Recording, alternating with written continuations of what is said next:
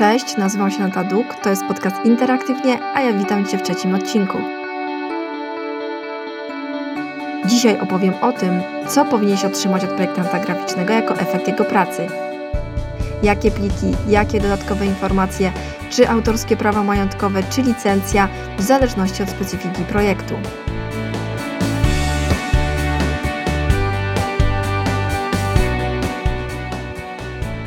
Problemy, z którymi często się spotykam, to brak plików wcześniej zamawianych projektów. Wiele osób posiada maksymalnie swój logotyp, ale bardzo często tylko w jakimś małym rozmiarze, bez plików, które umożliwiają szersze wykorzystanie w innych projektach. Kiedy pytam o te pliki, dopiero wtedy rozpoczyna się kontakt z poprzednim projektantem.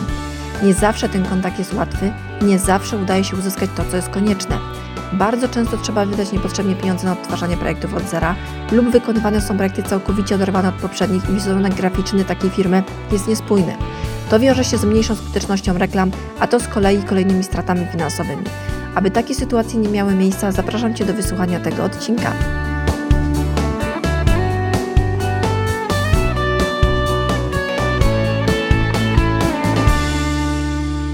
No i znowu się słyszymy, fajnie, że jesteś. Bardzo chciałam zacząć ten odcinek od historii pod tytułem To wydarzyło się naprawdę, albo taka oto historia mi się ostatnio przydarzyła. Tylko, że miałam problem, żeby zdecydować się, którą opowiedzieć. Bo w zasadzie odkąd mam bezpośredni kontakt z klientami, a będzie to już jakieś ponad 10 lat, to nie skłamię, jak powiem, że jakieś 90% tych spotkań to historie nadające się na wstęp do tego odcinka. Mhm. Niestety aż taki odsetek, przynajmniej firm z sektora małych i średnich przedsiębiorstw ma problem ze zlokalizowaniem swoich projektów graficznych, a o właściwych formatach nie wspominając. Mało tego, część wychodzi chyba z założenia, że dysk projektanta graficznego, u którego zamawiają projekt, to najlepsze miejsce na przechowywanie takich danych. A im potrzebne jest tylko kilka bajtów pamięci telefonu na numer do grafika, no bo jak to się najczęściej odbywa?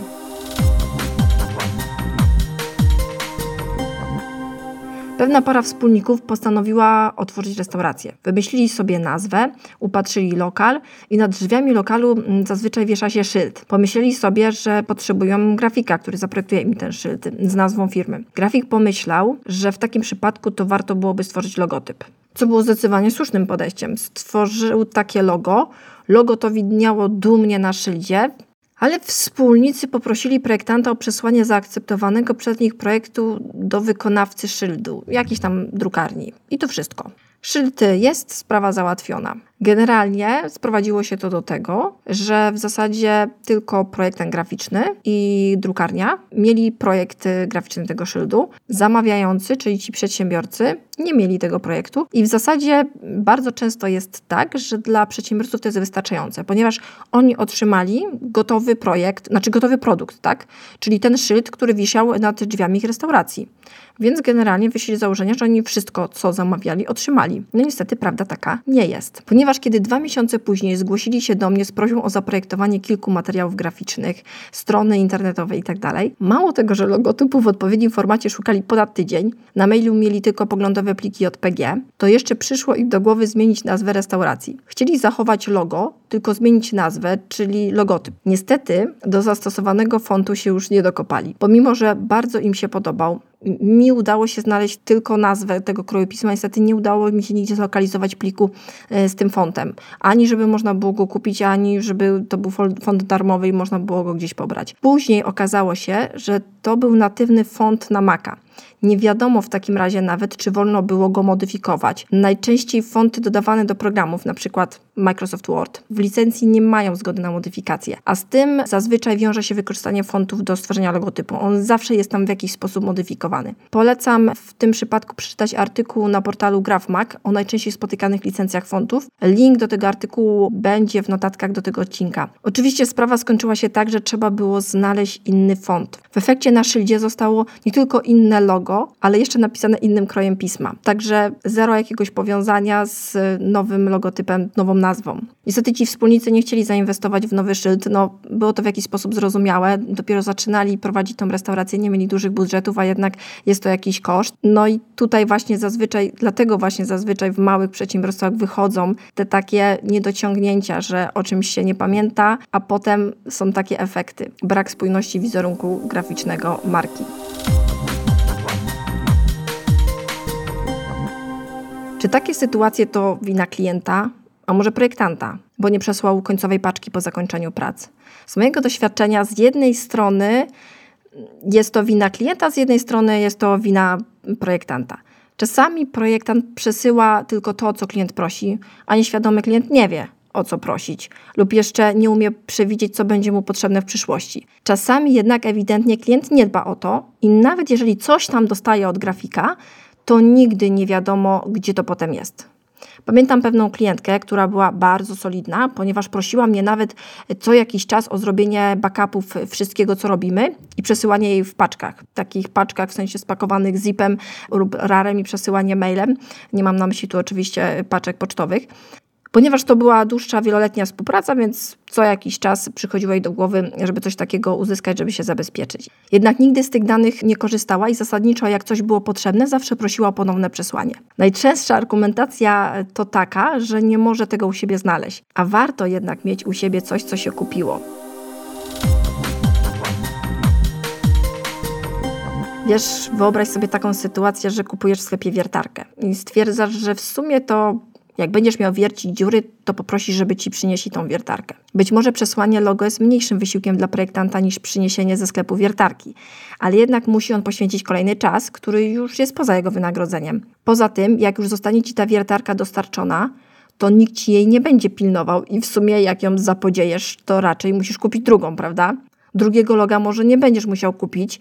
Jak wykonawca będzie je miał u siebie, to na pewno z uprzejmości je udostępni, ale może poprosić o wynagrodzenie za czas poświęcony na obsługę Twojej osoby w sprawie kilkukrotnego dosyłania materiałów.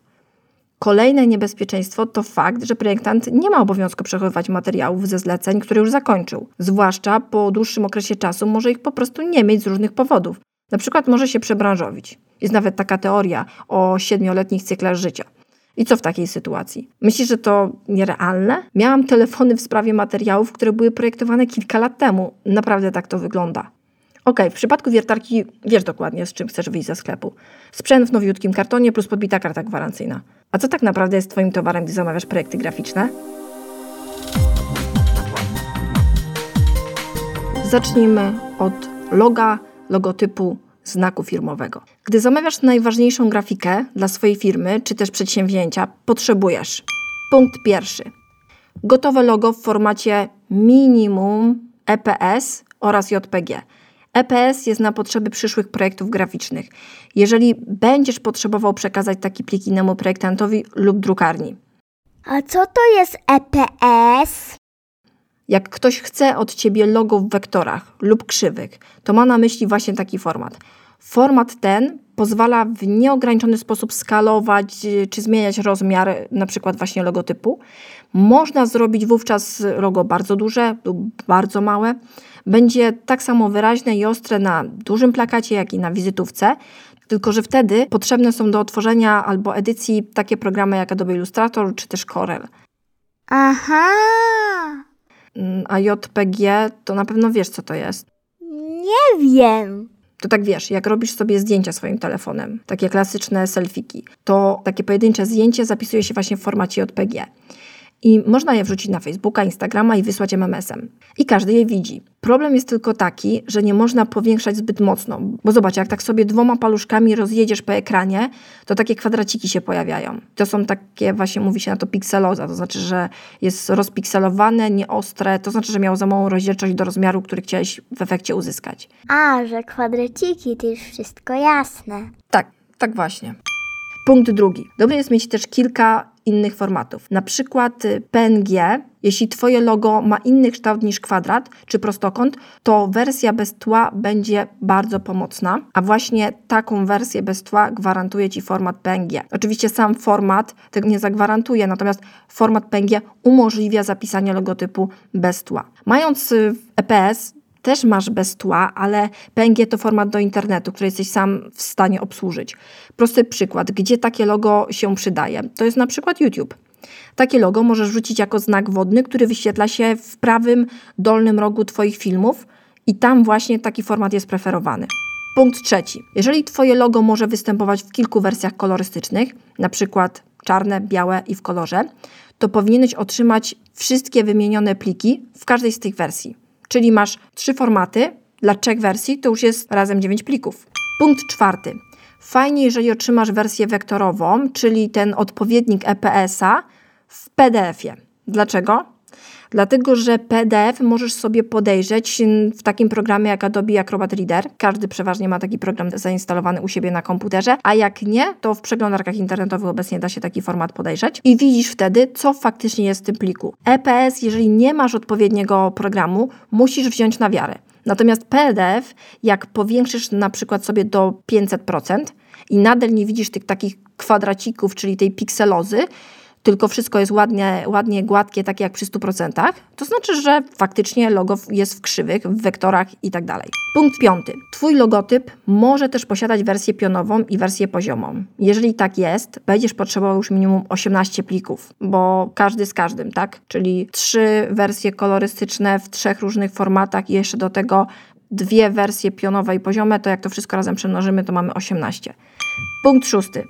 Dobrze by było, aby Twoja umowa na projekt znaku obejmowała przygotowanie plików PNG i JPG w wersji takiej mini i maxi. Mini to taki 50 do 100 pikseli szerokości, w zależności od tego, czy to logo jest bardziej podłużne, czy, czy bardziej kwadratowe, ponieważ na potrzeby wykorzystania w sieci lub do wklejenia przykład do Worda, Excela, będziesz potrzebował takie malutkie logo. Z doświadczenia wiem, że przedsiębiorcy mają problem ze skalowaniem. Nawet jak mają odpowiedni program, to czasami się zdarza, że to logo jest źle przeskalowane, nieproporcjonalnie na przykład spłaszczone albo wydłużone i to jest bardzo zły i niepożądany efekt. Ja sama zresztą trzymam sobie w osobnym folderze na komputerze różne wersje swojego logotypu, wszystkie możliwe opcje, tak żeby w sytuacji, w której potrzebuję użyć logotypu, to żeby nie zastanawiać się i nie wchodzić do programu graficznego, żeby to dopiero skalować i przygotować, bo to znacznie przedłuża pracę.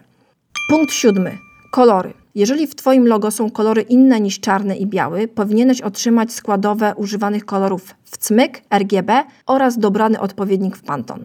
Dlaczego to takie ważne? Powiedzmy, że logo, które masz zaprojektowane, zostało Ci przysłane w składowych RGB.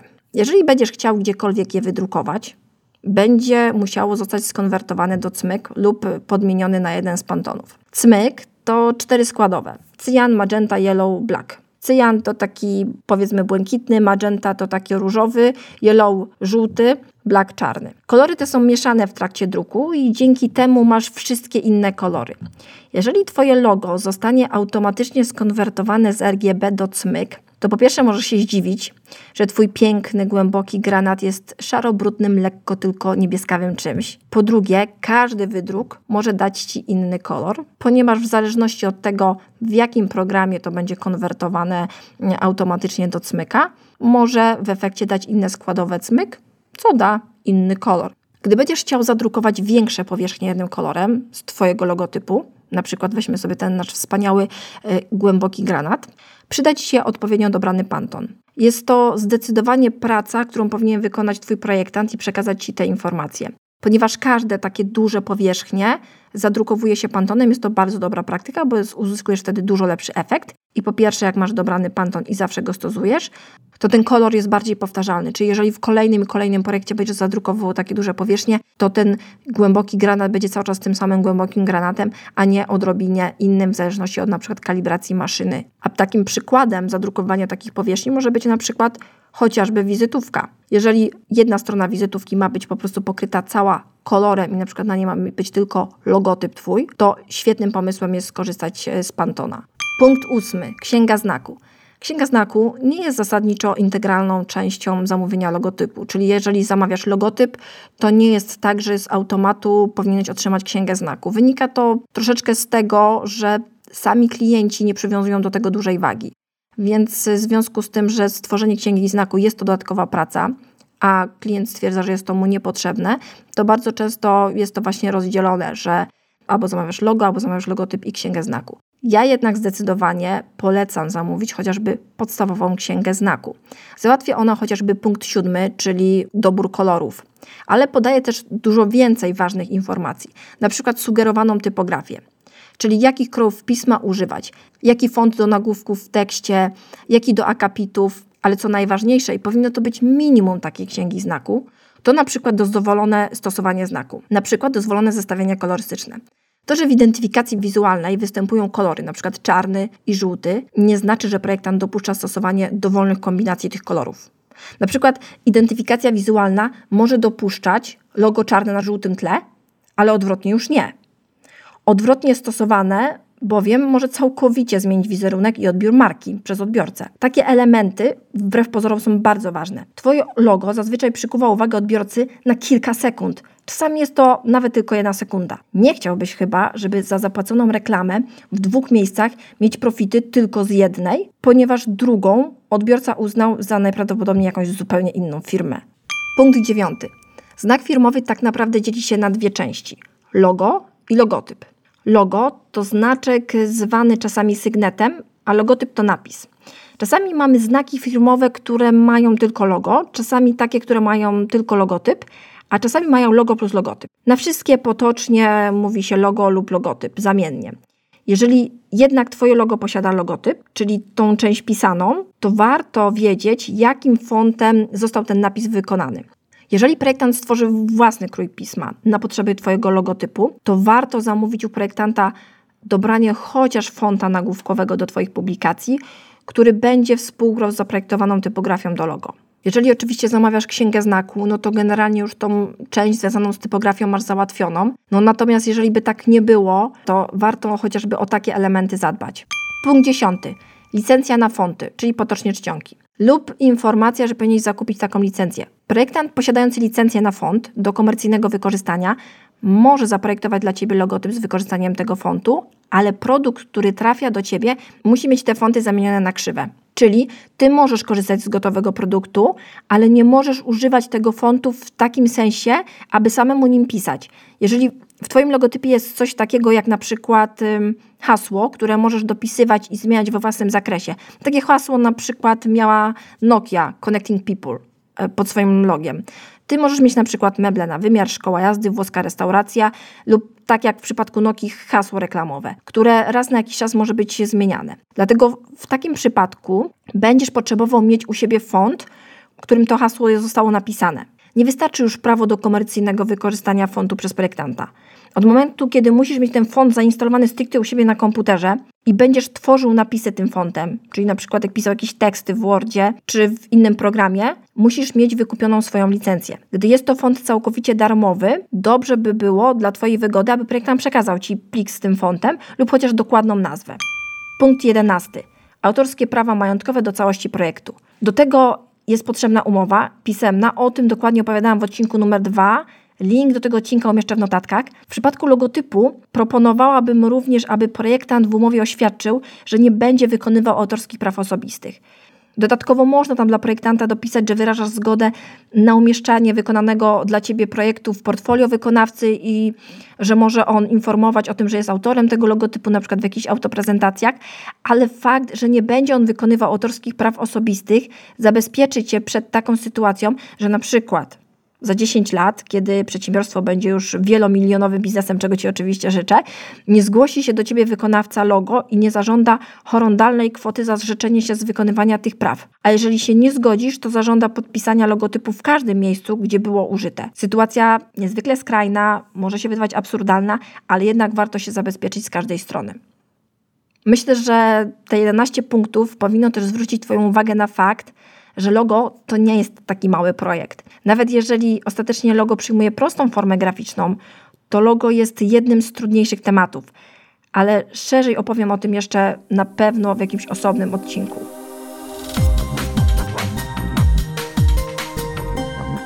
Przechodzimy dalej. Ulotka, plakat, folder. W przypadku projektów, które są zamawiane stricte pod druk, najważniejszy będzie dla Ciebie właśnie ten gotowy plik do druku. Dlatego potrzebujesz Punkt pierwszy. Projekt w pliku zamkniętym, przygotowanym do druku. To, co teraz powiem, może dla niektórych brzmieć po chińsku, ale warto jednak przeczytać sobie to dokładnie, skupić się na tym, najlepiej gdzieś zapisać i zapamiętać. Najkrótsza i najczęstsza specyfikacja drukarni plików do druku to 300 dpi, cmyk, spady 3 do 5 mm z każdej strony, fonty zamienione na krzywe, bez znaczników drukarskich. Drukarnie najczęściej same nanoszą znaczniki drukarskie. Format PDF, TIFF lub JPG. Przy czym najpopularniejszy tutaj jest format PDF i Tobie go polecam. Ponieważ pomimo, że jest to format do druku, to możesz go sobie wygodnie podejrzeć i sam ostatecznie zaakceptować, czy nie masz żadnych błędów. Możesz też sprawdzić, czy nie otrzymałeś projektu na przykład ze znacznikami drukarskimi, takie czarne celowniki po rogach, kolorowe kwadraciki w kolorze błękitnym, różowym, żółtym, czarnym. To znaczy, że na projekcie są znaczniki drukarskie. Czy nie zostały jakieś fonty niezamienione na krzywe i tak dalej.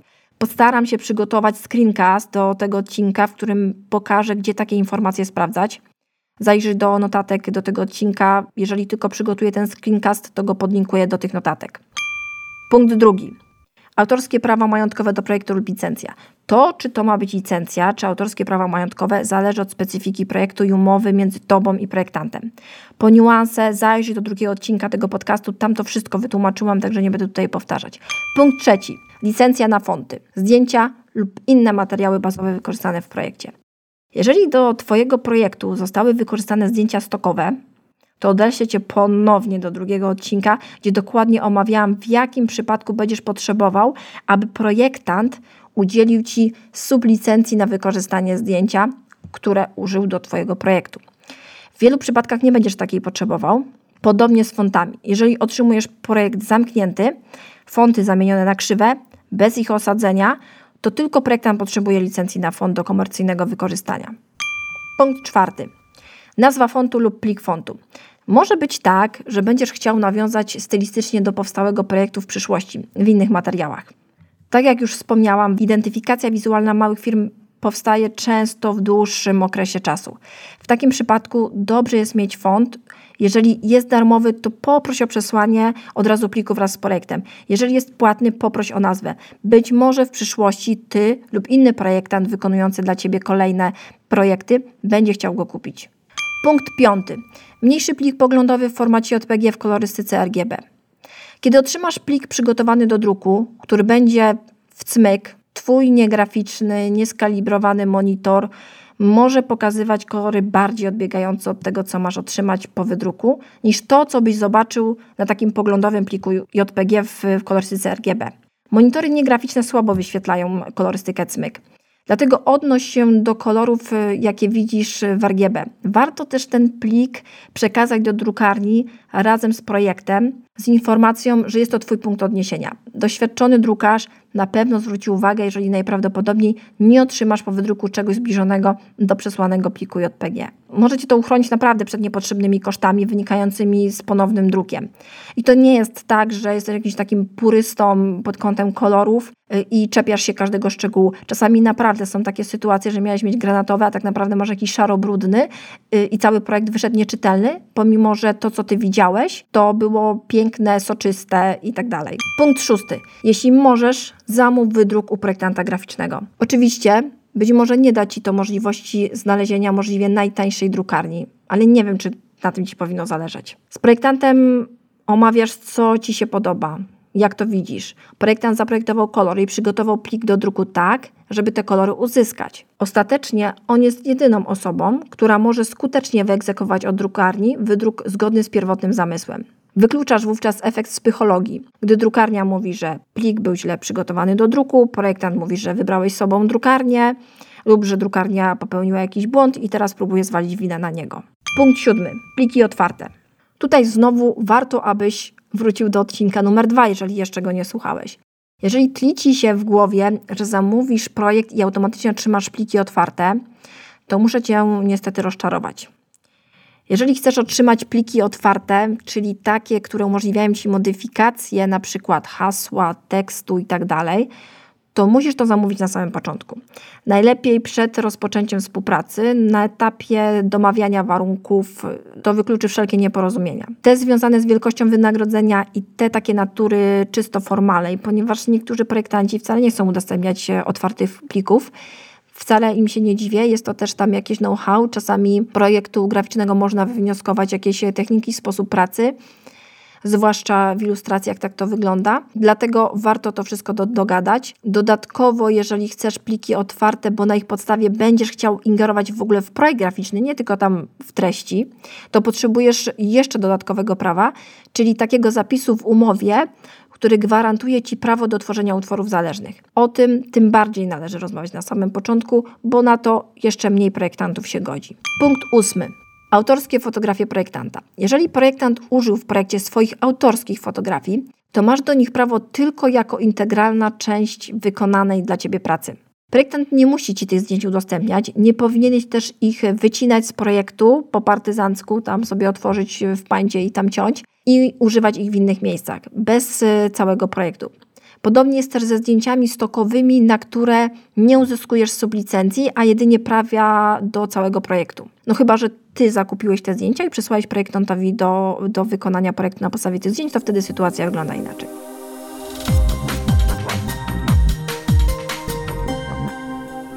Przejdźmy do szablonów prezentacji lub jakichkolwiek innych e, szablonów. Czasami zamawiasz projekt, który z góry jest przeznaczony do uzupełniania treścią. Najlepszym przykładem są tutaj szablony prezentacji, szablon newslettera. Szablonem jest też tak naprawdę layout strony internetowej, ale jest to naprawdę bardzo szeroki temat, więc pominę go tutaj w tych rozważaniach. Zamówienie szablonu implikuje, że musisz otrzymać plik do prostego wprowadzania treści. Dlatego potrzebujesz punkt pierwszy plik programu, w którym będziesz robił prezentację, dodawał kolejne slajdy, etc., z osadzonym projektem, tym layoutem, który zamówiłeś. W przypadku prezentacji bardzo popularnym programem jest y, PowerPoint. Ale może to być Keynote na Maca. Prezentację można też zrobić w InDesignie czy nawet w Illustratorze, ale trzymajmy się tych najbardziej popularnych. Gdy otrzymasz ten plik, otwórz go koniecznie w swoim PowerPoincie. To się tyczy zwłaszcza programów y, Microsoftu i sprawdź, czy aby na pewno nic się nie rozjechało. Ważne, aby projektant zapisał plik w tej samej wersji programu, którą Ty posiadasz. Punkt drugi. Autorskie prawa majątkowe do szablonu lub licencja. Przy czym zaznacz w umowie, że jest to szablon, a plikiem końcowym zamówienia ma być w programie i tutaj wymieniasz swój program. To wykluczy ewentualne spory o prawie do plików otwartych, prawie do modyfikacji, ponieważ uzupełniając szablon, który zamówiłeś, nie modyfikujesz w żaden sposób dzieła, bo dziełem był właśnie szablon. Czyli wszystko to, co naokoło, a nie ten tekst, który ty tam będziesz y, umieszczał. Punkt trzeci. Czcionki, czyli fonty lub kroje pisma tak nawiasem mówiąc, najbardziej poprawne sformułowanie to tutaj jest krój pisma. Pomiędzy czcionki a fonty to w internecie cały czas trwa walka, jak to powinniśmy nazywać. Większość grafików twierdzi, że są to fonty, natomiast jest część opozycji, która twierdzi, że etymologia słowa font wywodzi się z angielskiego tak samo jak czcionka od takich metalowych, drukarskich odlewów do odbijania literek. Wracamy do naszych szablonów. W szablonach szczególnie istotny może być font, ponieważ jeżeli tylko nie jest to jakiś natywny font systemowy, na przykład Arial, to albo potrzebujesz sobie go po prostu zainstalować u siebie na kompie, jeżeli jest to font darmowy, albo potrzebujesz y, go kupić, czyli nabyć licencję. Nie wystarczy w tym przypadku licencja, jaką posiadał projektant, ponieważ będziesz tego kroju pisma używał sam. Punkt czwarty. Zdjęcia. Zwróć szczególną uwagę na to, do czego będziesz wykorzystywał tą prezentację. Jeżeli jest to prezentacja w firmie do jakiegoś wąskiego grona, nie musisz się tym przejmować. Jeżeli jest ona Ci potrzebna na przykład do kursu online, który będzie odsprzedawany na sztuki, to dopytaj dokładnie, jaką licencję mają użyte fotografie. A także zwróć uwagę na licencje fotografii, które będziesz używał już do wypełniania tej prezentacji treścią, bo to jest dokładnie ta sama sytuacja, co te, które są użyte do layoutu.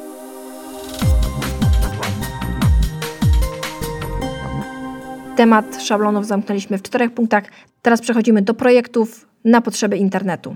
W tym punkcie wykluczę stronę internetową, ponieważ jest to oddzielny duży temat, to już wspominałam, ale jako informacje wstępne zapraszam Cię do artykułu, y, który już popełniłam na swoim blogu pod tytułem Kiedy strona internetowa jest naprawdę moja. Dzisiaj skupię się na mniejszych projektach, na przykład banner, tło na Facebooku, awatar na jakiś profil itd. Tak w zasadzie musisz y, tutaj pamiętać dokładnie o tych samych elementach, co w przypadku projektów na potrzeby druku, poza właśnie plikami dla drukarni. Czyli potrzebujesz Punkt pierwszy. Plik z projektem. Format JPG lub PNG w kolorystyce RGB. Rozmiar, jaki Cię interesuje, to piksele. I to implikuje fakt, że rozdzielczość w tym wypadku nie ma znaczenia. Ponieważ na przykład 100 na 50 pikseli to już jest informacja o rozdzielczości danego projektu. Warto, żeby zwrócić uwagę, jaki ma być konkretnie rozmiar, ponieważ wszelkiego rodzaju tła, które są Ci potrzebne do mediów społecznościowych, teoretycznie można dopasować z dowolnego załadowanego zdjęcia. Jeżeli na przykład masz krajobraz, jakąś abstrakcję, burzę kwiatków yy, i tym podobne, to naprawdę nie robi problemu, bo podczas dodawania takiego zdjęcia ustawiasz tam sobie kadr i jest ok.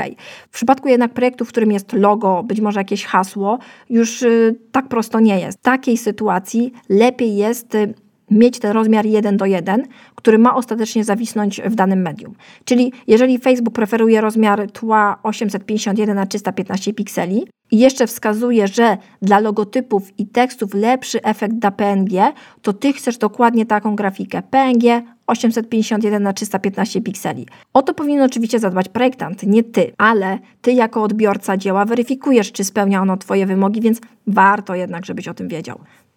Punkt drugi. Wszystko to, co w punkcie z projektami do druku, czyli autorskie prawa majątkowe lub licencja, fonty, zdjęcia, otwarte pliki, jakie zamawiałeś, prawo do używania tych plików w umowie, wszystkie niuanse są dokładnie takie same, więc nie będę tego powtarzała. Punkt trzeci. Jeżeli zamawiasz szablon wpisu na Facebooka, poleca się markom, aby sygnowały zdjęcia zamieszczane na tablicy jakąś e, ramką, swoim logotypem i do tego, żeby to był element powtarzalny, a nie za każdym razem inny. Więc przedsiębiorcy czasami zamawiają taką grafikę u projektanta. Żeby nie było nieporozumień, zaufaj mi i nie zamawiaj grafiki do jednego wpisu z myślą o tym, że resztę sobie tam już na podstawie tego zrobisz sam. Tylko zamów wprost szablon do wpisu i już. Wówczas cofniesz się do punktu, w którym opisywałam, co potrzebujesz na wypadek szablonów, łącznie z kwestiami formalnymi i umowami, i tym samym nie narazisz się na żadne problemy.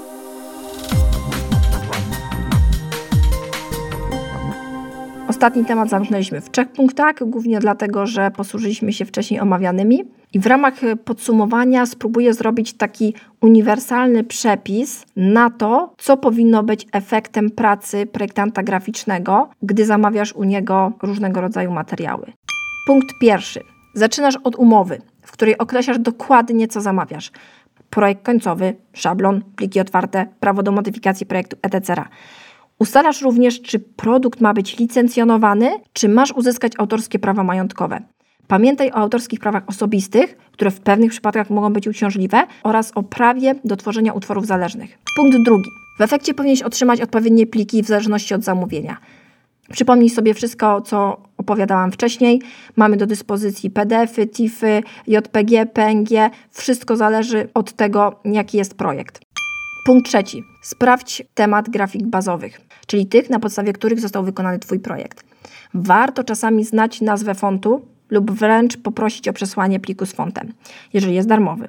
Sprawdź licencję wykorzystywanych zdjęć lub dokładnie opowiedz projektantowi, do czego będziesz wykorzystywał dzieło. Dobry projektant powinien doradzić Ci, jaką licencję na zdjęcia potrzebujesz, żebyś nie nabawił się żadnych problemów. Punkt czwarty. Jeżeli zamówiłeś plik otwarty i za niego zapłaciłeś, to właśnie taki powinieneś otrzymać. Niedawno na grupie facebookowej przeczytałam, że projektanci do plików na przykład Adobe Illustratora potrafią wklejać pliki zamknięte. W ten sposób się zabezpieczają przed tym, żeby nie jednak mimo wszystko nie wydać swojego pliku otwartego. I w efekcie takiego zabiegu w dalszym ciągu nie można tych plików modyfikować, pomimo że teoretycznie są zapisane w pliku otwartym. Dlatego jeżeli takie pliki zamawiasz, to mam nadzieję, że masz program, który może je otworzyć i będziesz mógł je sprawdzić. Jeśli nie, to tak czy inaczej warto to doprecyzować. Nie jestem jakąś szczególną fanką udostępniania plików otwartych, ale jeżeli już ktoś taką usługę sprzedaje, to należy podejść do tematu uczciwie. Punkt piąty. Wszystkie inne specyficzne dla danego projektu. Tak jak omawiałam przy logotypie, mogą to być kolory, jakieś dodatkowe opracowania w postaci księgi znaku e, i tak dalej. I w tych pięciu punktach, e, jeżeli je sobie prześledzisz po kolei podczas zamawiania projektu, powinieneś e, zamknąć taki przepis e, na prawidłowe zawarcie umowy, a także sprawdzenie, czy to, co otrzymałeś, jest tym, co powinieneś otrzymać, zgodne z Twoim zamówieniem. Po odsłuchaniu tego odcinka koniecznie zajrzyj do notatek, do tego odcinka, które są zamieszczone na moim blogu. Tam podam linki do przykładowych ksiąg znaku, a także postaram się podlinkować przykładowy plik do druku z zamieszczonymi tymi znacznikami drukarskimi, żebyś zobaczył, jak to wygląda. I na sam koniec mam do Ciebie jeszcze taką gorącą prośbę. Jeżeli ten odcinek Ci pomógł, proszę dodaj swoją opinię w programie iTunes. Nie musisz mieć iPhone'a czy Maca, można to zrobić klikając na moim blogu przy każdym wpisie z podcastem na iTunes. Zaraz pod napisem subskrybuj. To mi pomoże promować ten podcast. Zachęcam również do subskrypcji tego podcastu. W każdy wtorek nowe tematy z branży interaktywnej będę poruszała dla przedsiębiorców, działaczy, blogerów, podcasterów, wszystkich, którzy kręcą jakiś swój mały biznes. A teraz się już z Tobą żegnam i zapraszam Cię do kolejnego odcinka, w którym opowiem o tym, kogo powinieneś zatrudnić do określonych prac graficznych, a co ewentualnie możesz spróbować zrobić sam. Do usłyszenia.